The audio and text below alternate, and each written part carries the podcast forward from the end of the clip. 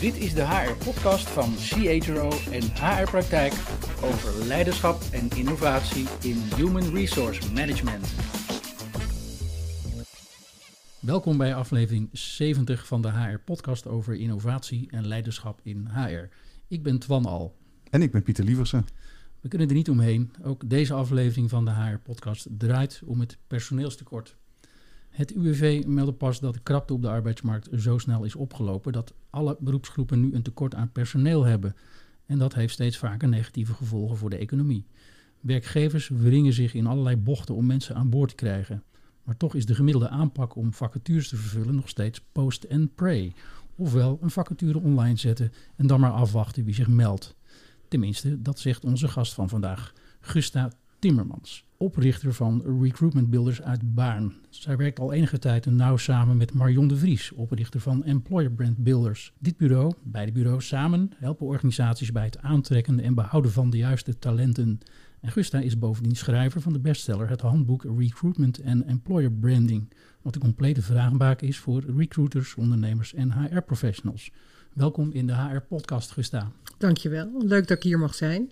Ja, Gusta, ook leuk dat je er bent. Want ja, we willen in deze aflevering met jou bespreken welke oplossingen uh, jij ziet om ook in deze tijd van schaarste uh, de juiste mensen aan boord te krijgen. Ja, om met de eerst genoemde methode die Twan tijdens de introductie al noemde, post and pray, te beginnen. Die wordt klaarblijkelijk veel gebruikt door uh, organisaties, want er zijn ook talloze vacaturesites die afgestruind worden, ook door kandidaten op zoek naar een nieuwe baan. En als je het zo bekijkt, wat is er dan mis met post and pray?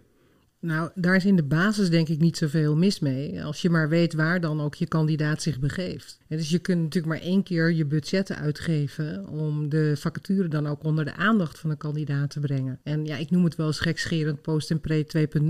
Uh, dus dat je echt ja, in de modernere versie, dus echt op de digitale weg. Maar ik hoorde toevallig uh, vorige week vrijdag nog iemand die uh, zei van ik heb een vacaturehouder en die wil graag dat ik hem in het lokale krantje zet, de vacature. Nou, dan hebben we het echt over post and pray uh, 1.0. Maar dat ja. zou dan niet zo kunnen zijn dat de doelgroep of zijn potentiële kandidaten zich onder de lezers van het lokale krantje zouden bevinden. In dit geval kan, weet ik dat niet zeker, maar ik, ik denk wel dat het soms een heel goed kanaal kan zijn. Hè? Dus het ligt er echt aan wat je doelgroep is. Dus ja. je moet niks uitsluiten, maar je kunt je voorstellen dat een oplage van een lokale krant versus LinkedIn of een ander platform, dat dat wel echt een enorm verschil is in het bereik. Nou, ja. kunnen we bijna wel zeggen dat misschien wel 99% van de professionals zit op LinkedIn. Zou je dan kunnen zeggen van, oh, als we dan post en pray hebben, dan is LinkedIn eigenlijk het geëigende kanaal? Nee, zeker niet. Nee, allang niet meer alleen uh, LinkedIn. Mm -hmm. Ik denk dat we uh, echt verder moeten kijken naar Indeed, Nationale Vacaturebank, uh, maar ook Jobbird is weer aan het opkomen. Ja, ik denk heel veel platformen. Je hebt natuurlijk heel veel niche-markten. Jullie zeiden net al, de krapte in de arbeidsmarkt is zo groot. Dus veel technische sites, onderwijssites. Je hebt zoveel verschillende sites waar je dan kan doorplaatsen. Ja, en daar zijn natuurlijk ook weer tools voor die dat eigenlijk weer voor jou organiseren. Dus eigenlijk zou je zeggen, post and pray, dat is niet de meest slimme methode om kandidaten te vinden. Wat zie je in de praktijk nog meer aan ja. veelgemaakte fouten tussen quotes dan, om op de radar te komen bij uh, potentiële kandidaten? Nou, in ieder geval de tone of voice die uh, gesproken wordt. Vaak wordt er heel veel beloofd wat binnen niet waargemaakt kan worden. Okay. Dus je ziet in vacatureteksten echt van kom bij ons, je krijgt dit. En uh, in praktijk blijkt dat helemaal niet zo te zijn. Dus ja, ik adviseer altijd, joh, wat je buiten vertelt moet wel binnen kloppen. En je eigen mensen moeten het binnen ook geloven. Hè? Want anders dan uh, wordt het helemaal ongeloofwaardig. En ik denk dat als we kijken naar, naar zeg maar de, de kanalen, dus de doelgroep. Je moet echt weten, wat, waar bevindt deze kandidaat zich? Dus zit hij op Facebook, op Instagram, op Twitter? Uh, ja, je hebt zoveel nieuwe vormen ook weer van uh, TikTok hè, als voorbeeld. Mm -hmm. dus wat spreekt jouw doelgroep aan en wat lezen ze? Ja. Wat luisteren ze? Ja, want de mismatch tussen het verhaal wat verteld wordt en hoe de werkelijkheid is, dat merken kandidaten pas op het moment dat ze in gesprek gaan. Of misschien zelfs nog wel verder op het moment dat ze er eenmaal werken. Ja, nou, ik hoop al daarvoor. ja. Maar de eerste zorg is natuurlijk om mensen aan boord te krijgen. Althans, om mensen in de pipeline te krijgen om gesprekken mee te gaan voeren. Ja, en daar zit nog één stap voor wat mij betreft. Want je hebt maar een beperkt aantal mensen die actief op zoek zijn naar hun baan. Maar je hebt natuurlijk een hele grote groep latent werkzoekenden. Dus die zul je bijna persoonlijk moeten benaderen. En daar zijn dan wel, hè, dan is het natuurlijk echt naam en telefoonnummer. En dan moet je gaan bellen. Of per, eh, met goede e-mails ook mensen gaan bereiken. Dus ik denk de groep die zich op de arbeidsmarkt bevindt als werkzoekende, nou, die kun je makkelijk tegenkomen op de eerder genoemde platformen. En de, de groep die latent op zoek is, die zul je persoonlijker met een event of eh, andere manieren naar je toe moeten lokken. Dus je ziet ook dat referral, hè, dus ja, mensen via via naar je toe komen. Ja. Ja, dat zie je ook enorm toenemen. Je ziet ook al overal langs de weg. Ik zag het ook weer bij een benzinestation. Als je bij ons start, krijg je een beginpremie. Je hebt het over latente zoekers. Wat versta je daar precies onder? Nou, mensen die eigenlijk al in een baan zitten. Uh, dus die gewoon aan het werk zijn. Mhm. Maar op het moment dat je ze benadert, dat ze toch wel openstaan voor misschien een verbreding of een verbetering in hun eigen positie. En in deze arbeidsmarkt, nou, we zien het natuurlijk ook aan uh, alle energiecrisis en woningcrisis. Dus geld speelt daar op dit moment ook een belangrijke rol in. Ja, en bedrijven bieden gewoon meer. Wat ik niet altijd de juiste basis vind om over te stappen. Maar ik kan me ook voorstellen, als je energierekeningen niet kan betalen, dat je die keuze dan wel maakt. Ja. Er zijn natuurlijk heel wat keuzes te maken, ook in de, in de benadering. Dat brengt mij op dat je in een interview hebt uh, gezegd: recruitment, dat is een specialisme, dat is een vak. Uh, toch zullen veel van onze luisteraars als HR-professional ook de werving van hun medewerkers moeten doen. Ja kan een organisatie eigenlijk wel zonder recruiter? Of is dat als een ziekenhuis zonder specialisten? Ik denk dat, dat hij echt heel erg afhankelijk is van de grootte van je organisatie. Mhm. En hoe moeilijk of makkelijk je de doelgroep kunt vinden. Dus ook hoe, hoe je naamsbekendheid is. Ik denk dat als je een bedrijf bent met meer dan 500 medewerkers, dat echt interessant is om te kijken of je een recruitment specialist kan aantrekken. Of in ieder geval iemand die ook naast de communicatieafdeling bezig kan gaan met de arbeidsmarktcommunicatie. Ja. Um, recruitment is voor mij echt een professie, omdat het niet alleen gaat om, we hebben een vacaturetekst, die plaatsen we in de doelgroep en dan wachten we, post and pray, tot er iemand komt. Mhm. Maar het gaat bij mij om welke, ja, noem je wel echt de, de touchpoints. Hè? Dus waar kan een kandidaat ons allemaal tegenkomen? Is dat alleen, het kan op tv zijn, kan online zijn, kan bij een event zijn, kan zelfs bij een voetbalvereniging zijn waar een sponsorbord hangt, dat je denkt, hé, hey, ik heb daar toch al contact. Uh, dat kan zijn met rondleidingen op, van lagere schoolkinderen bij jou in de organisatie. Of je nou klein of groot bent, dat blijft wel hangen. dus, dat, dus daar zou ik in ieder geval naar kijken. Um, je hebt heel erg met wetgeving te maken. Dat moet de HR-professional ook aanspreken. Dus de, privacy-wetgeving en de gevoeligheid van het aanhouden van cv's in, in je bestanden. Daarom zeg je, ja, neem een systeem. Hoeft helemaal niet, kan ook goedkoop, kan ook gratis zelfs. Uh, maar zorg in ieder geval dat je proces, je systeem, je kandidaatreis, dat je daar eens even op afstand naar kijkt en dat ook eens uittekent of je nou klein of groot bent. En dat mhm. kan ook een HR-professional, maar echt ja, het benaderen, actief benaderen van kandidaten. Ja, dat, dat durft niet iedereen. Dat is ook wel een beetje sales, want je verkoopt eigenlijk je bedrijf. Het is voor mij is recruitment echt het verkopen van banen, maar wel met de juiste match. Ik hoor jou het eh, begrip kandidatenreis gebruiken. Wat moeten we daaronder verstaan, Gusta? Nou, je hebt de, de candidate journey, hè, dus de kandidaatreis. Uh, voor de Nederlandse bedrijven gebruiken we die term veel. Ja, dat zijn eigenlijk alle momenten waarbij een kandidaat uh, eerst zeg maar zich bewust wordt van het feit dat jij als bedrijf bestaat. Dus die komt ergens wat van je tegen. Dan willen ze misschien wel op je werken bij site of op je algemene site kijken naar een mhm. filmpje naar een leuk testimonial. Echte mensen zien. Hè? Dus bedrijven gaan alsjeblieft niet met stokfoto's werken, maar pakken echte mensen. Want alleen dat spreekt mensen ook aan. Om vervolgens in het sollicitatieproces eh, te komen. Nou, daar gaat echt heel veel fout in de BVNL. dus als je gewoon willekeurig naar een facturesite gaat van een bedrijf en kijkt hoeveel velden je in moet vullen als kandidaat, of waar je nog een pasfoto moet uploaden, of je geboortedatum moet invullen, een motivatiebrief moet invullen. Ehm, stop ermee. Stop ermee, zou ik zeggen. Maar wat dan? Want je hebt die gegevens toch wel nodig van die kandidaat? Ja, nou je ziet al bedrijven die... Uh, hè, dus Indeed heeft daar ook een keer een onderzoek naar gedaan. Dat is echt interessant. Eigenlijk boven de vijf velden, dus naam, e-mail, telefoonnummer... en misschien nog twee andere gegevens... neemt echt de, de sollicitatiebereidheid af. Jeetje.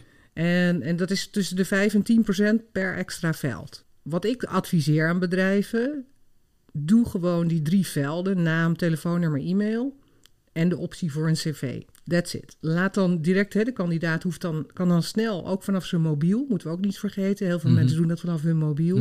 Snel solliciteren. Maar dan zit je eigenlijk nog maar aan het begin van de kandidaatreis. Ja. Of, of is die Ja, dan... maar dan ga je hem bellen of mailen of vragen hoe die met jou contact wil. Want WhatsApp is ook heel leuk voor de, voor de jonge generatie. Dus je gaat eigenlijk meteen in gesprek met de kandidaat. En eh, dus je kunt dan meteen of iemand uitnodigen. Je hebt natuurlijk tegenwoordig allemaal makkelijke tools om meteen een online afspraak in te plannen. En met Calendly bijvoorbeeld. Ja, dan, dan kun je ook heel snel in contact. En als je het veld sollicitatie of je cv uploaden gewoon openzet, zullen heel veel mensen wel hun cv meesturen. En dan denk hè, heel veel bedrijven zeggen ook, ja, maar wij hebben echt die motivatiebrief nodig. Dat kan in de advocatuur, dat kan in, hè, bij banken. En dat is prima, alleen dat vraag je dan daarna. Dus dan stuur je, joh, wat leuk dat je interesse hebt getoond in onze organisatie. We willen graag verder met je praten.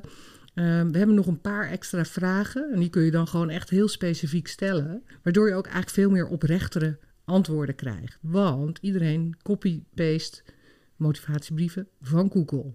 De mooiste voorbeelden kun je daar vinden. Ja. Dus dat contact leggen van jou als werkgever uit naar je toekomstige Ja. medewerker, Ja. dat is eigenlijk een heel belangrijk moment, Ja. begrijp ik. Ja, absoluut. Maar bijvoorbeeld ook als je in de vacaturetekst zegt dat de vacaturehouder bereikbaar is. En je belt als kandidaat, maar die vacaturehouder is niet bereikbaar. Slechte reiservaring. Dus al die momenten moet je goed van tevoren over nadenken. En daarom is recruitment ook een vak. Want de recruiter moet die vacaturehouder ook kunnen vertellen van... Joh, dit is de reis, die gaan we samen aan. Wat kun jij doen in jouw netwerk? Wat kunnen wij doen vanuit recruitment of HR? Mhm. En laten we samen ook op zoek gaan naar de juiste kandidaat. En wat zijn dan de belangrijkste eisen? Is dat dan nog steeds het diploma? Of gaan we steeds meer kijken naar competenties en persoonlijkheid? Hoe gaat die kandidaatreis nu verder? Want je hebt dan contact, misschien je- is een cv ja, geüpload. Ja, verder? ik vind dus dat de recruiter altijd echt de eerste selectie die doet. En die heeft ook met de vacaturehouder gesproken over wat, wat is nou echt de, de must-haves van de functie. Hè? Zijn dat dan meer de, die competenties of die harde eisen? Mhm. Ehm, het schaap met de vijf poten bestaat immers niet. Dus laten we dan ook in de intake met zo'n vacaturehouder kijken... Veel, wat, als ik nou drie cv's heb, dat is al een luxe. Maar als ik er nou drie heb, waar ga je dan echt op letten? Dus die voorkant zeg maar, met de vacaturehouder is ook echt super belangrijk. Om vervolgens ook het eerste gesprek met de kandidaat door de recruiter te kunnen laten doen. Ik zie de recruiter ook als coach van een kandidaat. Ja, dus wat leuk dat je hebt gesolliciteerd. Laten we eens kijken of deze vacature bij jou past. Maar misschien heeft de recruiter ook nog wel een tweede vacature in de organisatie. En dan kun je ook, ja, heb je ook wat te bieden. En dan ga je, als het goed is, zo snel mogelijk gesprekken regelen met de vacaturehouder. Ja, ja. Ik kom toch nog even terug op die kandidaatreis, Ja, want die ja. is gaande. Ja, die is gaande. maar ja. houdt die dan op op het moment dat er een contract getekend is? Of houdt die pas op op het moment dat die kandidaat binnen is in de organisatie en na twee maanden denkt, goh, ik, heb, eh, ik zie helemaal niet eh, eh, wat, er, wat mij beloofd is, dat maak ik helemaal niet mee. Is dat nog steeds een stukje van de kandidaatreis? Ja, nou die kandidaatreis stopt bij mij, eh, want die gaat dan over in de medewerkerreis, naar eigenlijk 100 dagen van binnenkomst. Oké. Dus ja. iemand eh, heeft dus het contract getekend. Mhm. In, nou, eerst die gesprekken nog, hè. die zitten nog aan de voorkant. Dus de gesprekken met de lijn. Uiteraard, dat hoort Ja. allemaal bij de kandidaat. Nou, daar kunnen we ook als Nederland nog best wel wat verbeteren hoor, kan ik je zeggen. Want hoe vaak hoor ik nog niet, wil je bij ons werken? Waarom wil je bij ons werken? Terwijl iemand heeft de moeite genomen om te solliciteren. Dus ik probeer ook wel echt Nederland een beetje wakker te schudden... dat we niet meer dat soort vragen moeten stellen. Je kan veel beter zeggen, "Joh, wat leuk dat je er bent. Laten we samen onderzoeken of je bij onze organisatie past. En laten we daar ook aan het eind van het gesprek met elkaar bespreken of dat zo is. En open, transparant, duidelijk, gelijkwaardig. Dus de vraag, wil je bij ons werken? Of waarom wil je bij ons werken? Ja, Niet niet, meer doen. doen. Nee, nee, nee. Gewoon echt op een leuke manier dat gesprek aangaan. En eh, om vervolgens inderdaad te zeggen, we doen je een aanbieding. Nou, en dan moet je snel. Eh, Deze, die hele reis moet gewoon snel. Als je ziet dat in Nederland gemiddeld was het 60 dagen... van zeg maar het openstellen van de vacature tot het sluiten van de vacature. Dat is twee maanden. Dat is twee maanden. Ja. Nou, wat mij betreft moet dat echt in tien dagen kunnen. Dat is natuurlijk wel afhankelijk van de organisatie waarvoor Mhm. het is. Hè? En als jij gewoon duidelijk bent, zie je vaak bij overheid en gemeentes over een selectiecommissie, twee gesprekken, misschien nog een assessment. Als je dat van tevoren goed kenbaar maakt, maar je moet wel die afspraken goed nakomen. Maar in, in tien dagen van het eerste contact tot besluiten over welke kandidaat het moet worden. Ja. Mhm. Nou ja, wat je nu ook ziet, hè, dat is ook zo'n veelgemaakte fout in organisaties. Ehm, ook ik heb een echt een goede kandidaat gesproken, maar dan zeggen ze ook tegen de kandidaat, en zus is de va- vacaturehouder, ik wilde graag nog iemand naast zien. Ja. Of we hebben een hele goede interne medewerker die echt super gemotiveerd is om deze functie te doen. Nou, we willen er toch nog iemand van extern naast hebben als vergelijk. Nou, daar word ik natuurlijk echt verdrietig van. Want dat is natuurlijk niet wat je wil in deze arbeidsmarkt. Beoordeel mensen op individuele capaciteiten. Elke persoon heeft talent en capaciteiten. Dus ga dan ook daarvan uit. En als iemand geschikt is, is iemand geschikt. En snelheid, eh, want die kandidaat zit misschien ook wel bij drie andere bedrijven op gesprek. Want er is zo'n kandidatenmarkt natuurlijk, dus dat is niet normaal. Ja. En dan gaat ook nog heel veel fout vanaf het moment van het aanbieden van het contract tot echt het beginnen dus ook steeds belangrijker. Ik spreek ook met een aantal banken en die zeggen van... wij gaan dan ook die kandidaat helpen om zijn baan op te zeggen. Dus we gaan echt in contact. Ja, om, omdat er ook mensen kunnen gaan twijfelen. Zeker, je ziet natuurlijk ook veel bedrijven, als ik mijn baan opzeg en mhm. mensen zeggen, oh, blijf u staan, dan krijg je er wat bij, hè, bij mhm. wijze van. Mhm. Eh, dus dat zie je ook veel gebeuren. En, maar hoe moet ik me dat dan voorstellen? Het is niet uh, dat de verzekeringsmaatschappij uh, tegen mij zegt van uh, wij zeggen uw verzekering bij uw vorige verzekeraar op. Zo nee, nee, nee. Nee, de kandidaat zegt natuurlijk zijn eigen baan op. Maar het is natuurlijk wel leuk als het op het einde van de maand is. Dat je de dag van tevoren zegt, joh, succes met opzeggen. Of is het al gelukt met opzeggen? Hoe reageerde je werkgever? toch ook een beetje de binding al meteen gaan aangaan met je kandidaat. En in die periode van opzeggen af en toe ook vragen van, joh, heb je tijd? Kom nog even een kop koffie doen. Of het team wil graag kennis maken. En dan gaat eigenlijk die kandidaatreis beginnen intern. En dat noem je dan de onboarding. En dus dan krijg je een inwerkprogramma. Nou, daar, daar mag echt nog wel aandacht voor zijn. Uh, als, je, als je kijkt van hoeveel mensen niet weggaan als de onboarding niet goed is geweest. Ja, weet je, zorg even voor een kop koffie, maar ook een inwerkprogramma. Zorg dat er ja, misschien een map, een digitale omgeving, waar mensen kunnen vinden hoe het werkt in jouw organisatie. Of je nou klein of groot mhm. bent, geef er aandacht aan. Mm Bloemetje.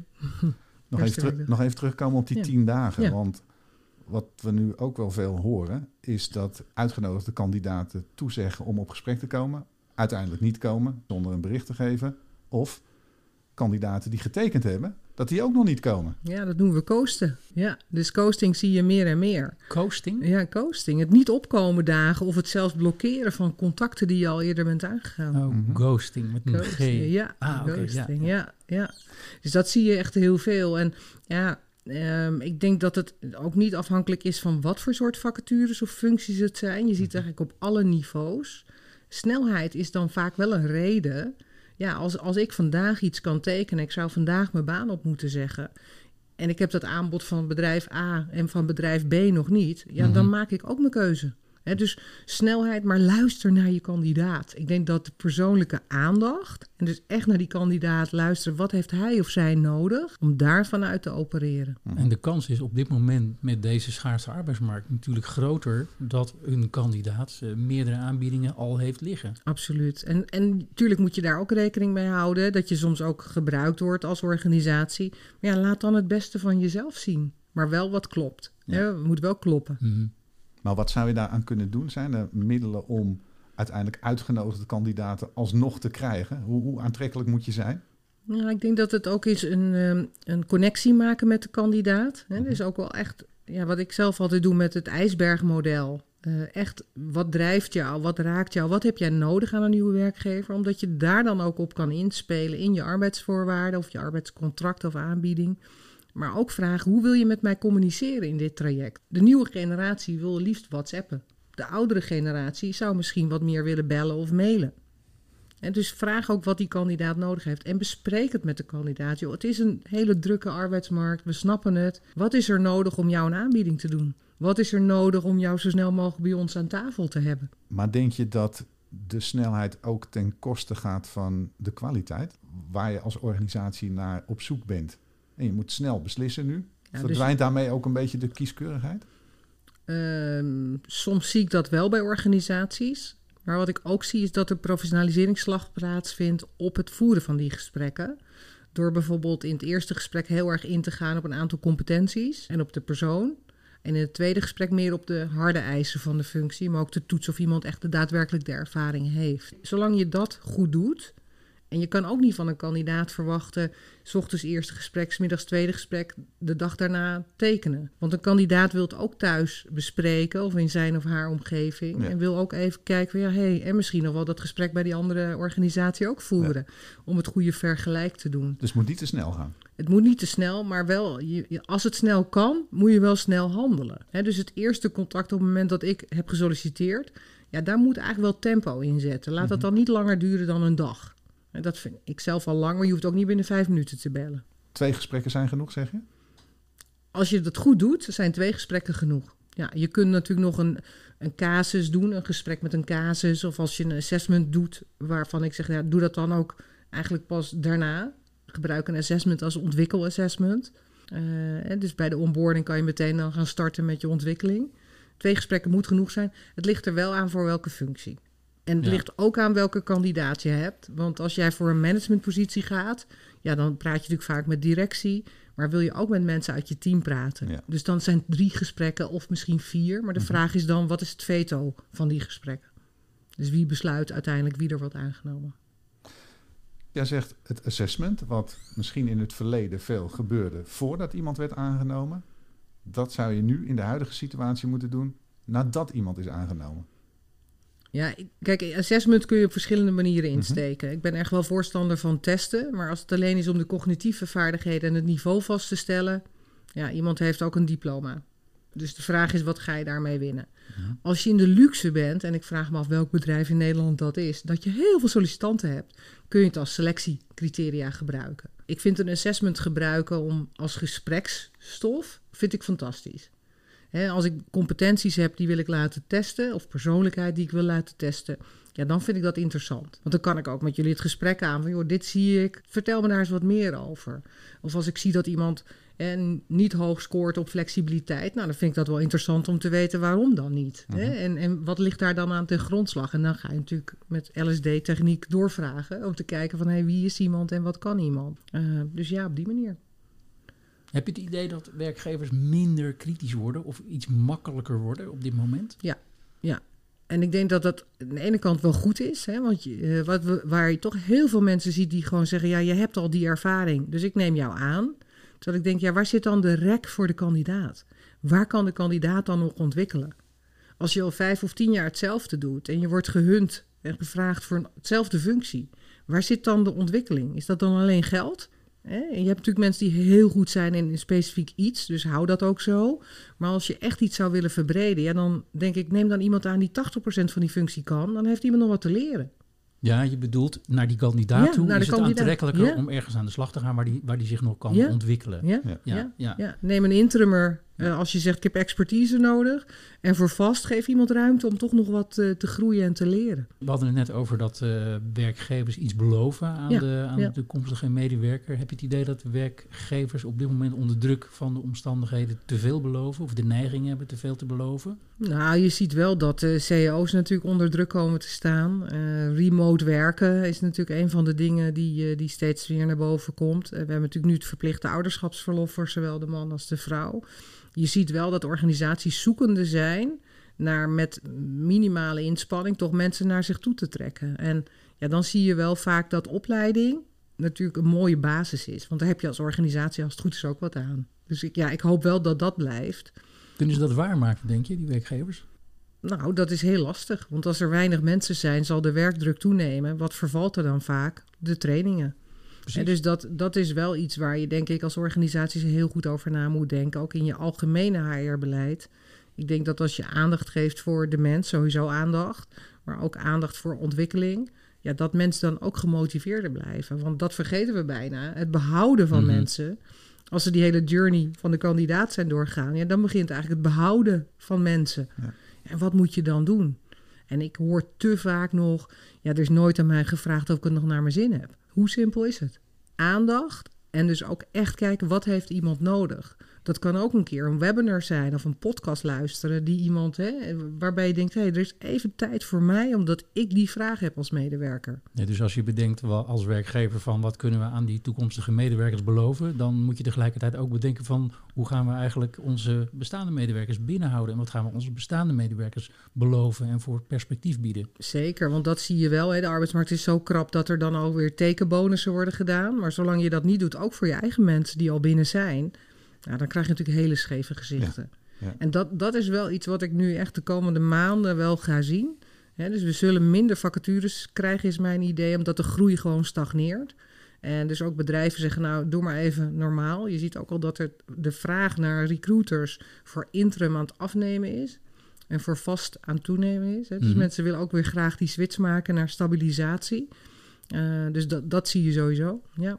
Jij maakt nu het onderscheid vast en flex. Ja. Dat is ook een, een mooi onderwerp. Er is ook in vele organisaties natuurlijk die, die scheiding in denken. Flex voor de tijdelijke klussen, voor projecten. Vast voor de reguliere formatie. En ook bij grotere organisaties is die werving van vast en flex ook organisatorisch vaak gescheiden. Hè? Vast bij HR, flexibel bij inkoop. Maar past die scheiding in denken eigenlijk nog wel bij de huidige arbeidsmarkt? Nou, wat mij betreft al heel lang niet meer. Alleen zie ik dat eh, heel veel bedrijven daar dat echt nog lastig vinden. Ik vind als, een, als je werkt hè, voor vast, werk je soms ook met werving in selectiebureaus. Voor flex doe je dat met uitzenders of detacheerders of misschien wel met RPO-partijen. En wat zijn, RPO-partijen? Die, die nemen een stuk van jouw proces over. Hè? Dus uh, recruitment process outsourcing. Dus Ja. die nemen een stuk van jouw werving en selectie over. Dat kan op allerlei niveaus. Ehm, wat je ziet is, voor mij zijn al die partijen die ik net noemde, de uitzenders, de detacheerders en de RPO-partijen, zijn een verlengstuk van jouw cultuur, van jouw organisatie. En ik vind dat HR is verantwoordelijk voor de cultuur, voor de werving en selectie. Dus ook voor dat stuk. Dat je dat niet zonder inkoop doet, of contractmanagement, dat lijkt me meer dan logisch. Maar wat ik ook altijd als hoofdrecruitment bij ING heb gedaan, altijd dat samen met elkaar doen. Ja, en dan kun je ook echt goed met elkaar, ook cijfermatig, maar ook je systemen. Je kunt zoveel meer als je het, ja, ik noem dat dan total talent acquisition, total talent management, waarbij je vast en flex, interne doorstroom, je campus recruitment allemaal bij elkaar brengt. En allemaal aangestuurd vanuit één HR-organisatie. Maar zou flex nu ook een oplossing kunnen zijn voor het invullen van posities die nu eigenlijk door mensen worden verlaten, die van vaste posities komen naar andere organisaties, als dan de krapte zo groot is? Is dat een oplossing om dat met flex in te vullen? Nou, ik, ik adviseer bedrijven altijd om vooraf eens te kijken... wat zijn nou echt je kritische posities? Mhm. En op die kritische posities moet je gewoon vaste mensen hebben. En dan kan je ook parallel kijken van... welke vacatures kunnen we wel met flex doen? Ehm, strategische personeelsplanning is ook nog een, eh, een, een hoofdstuk... waar heel veel organisaties nog niet mee bezig zijn. Maar als je natuurlijk wel weet... bij indoor- en uitstroomcijfers kan ik ook extrapoleren... en op basis daarvan ook vooruit ja, regeren... Ja, dan kun je natuurlijk ook kijken wie heb ik nodig... En ja, dan kun je ook keuzes maken over vast flexverhoudingen.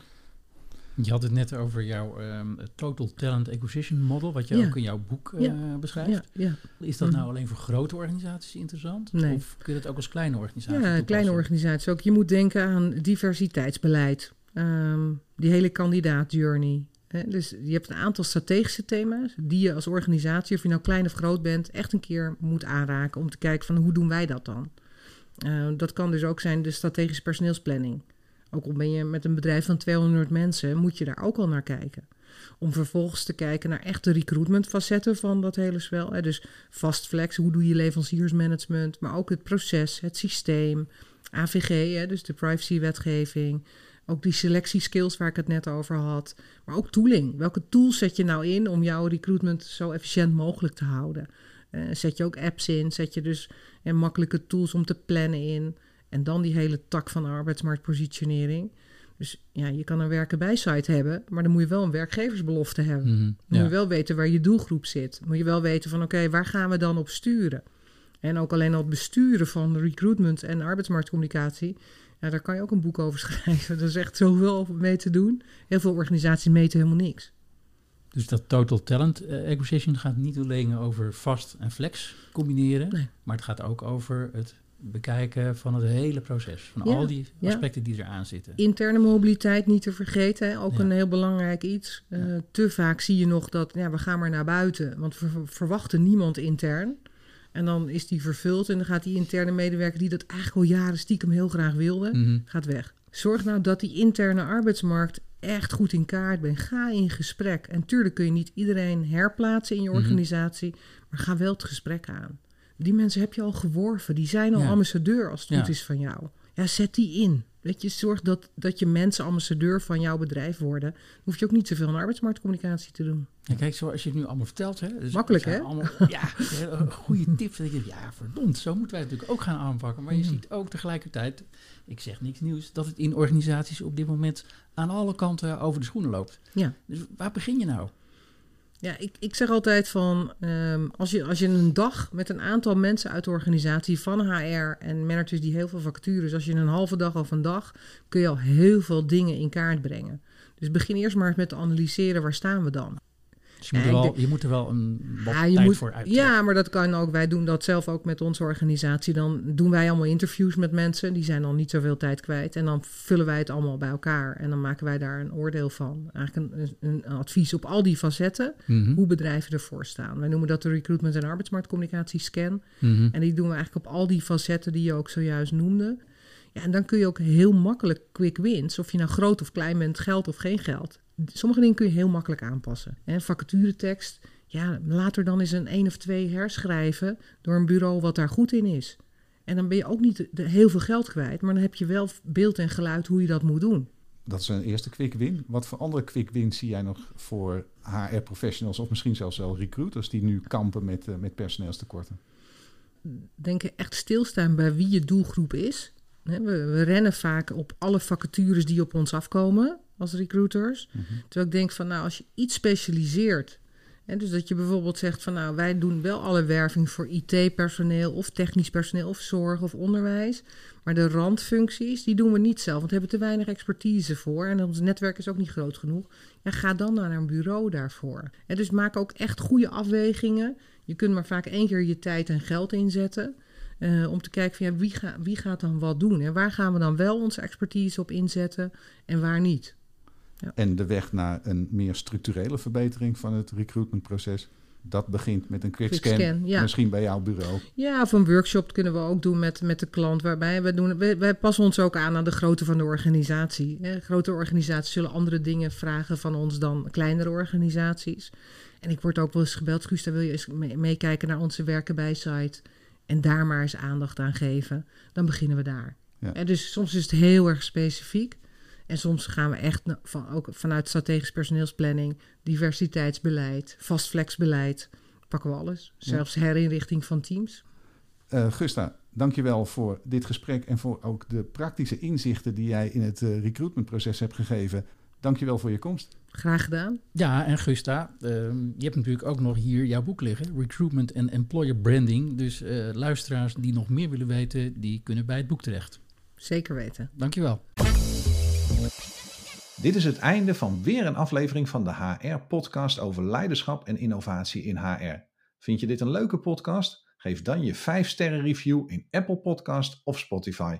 Heb je suggesties voor gasten voor een volgende aflevering? Stuur dan een mail naar redactie@hrpodcast.nl. Bedankt voor het luisteren en tot de volgende HR-podcast.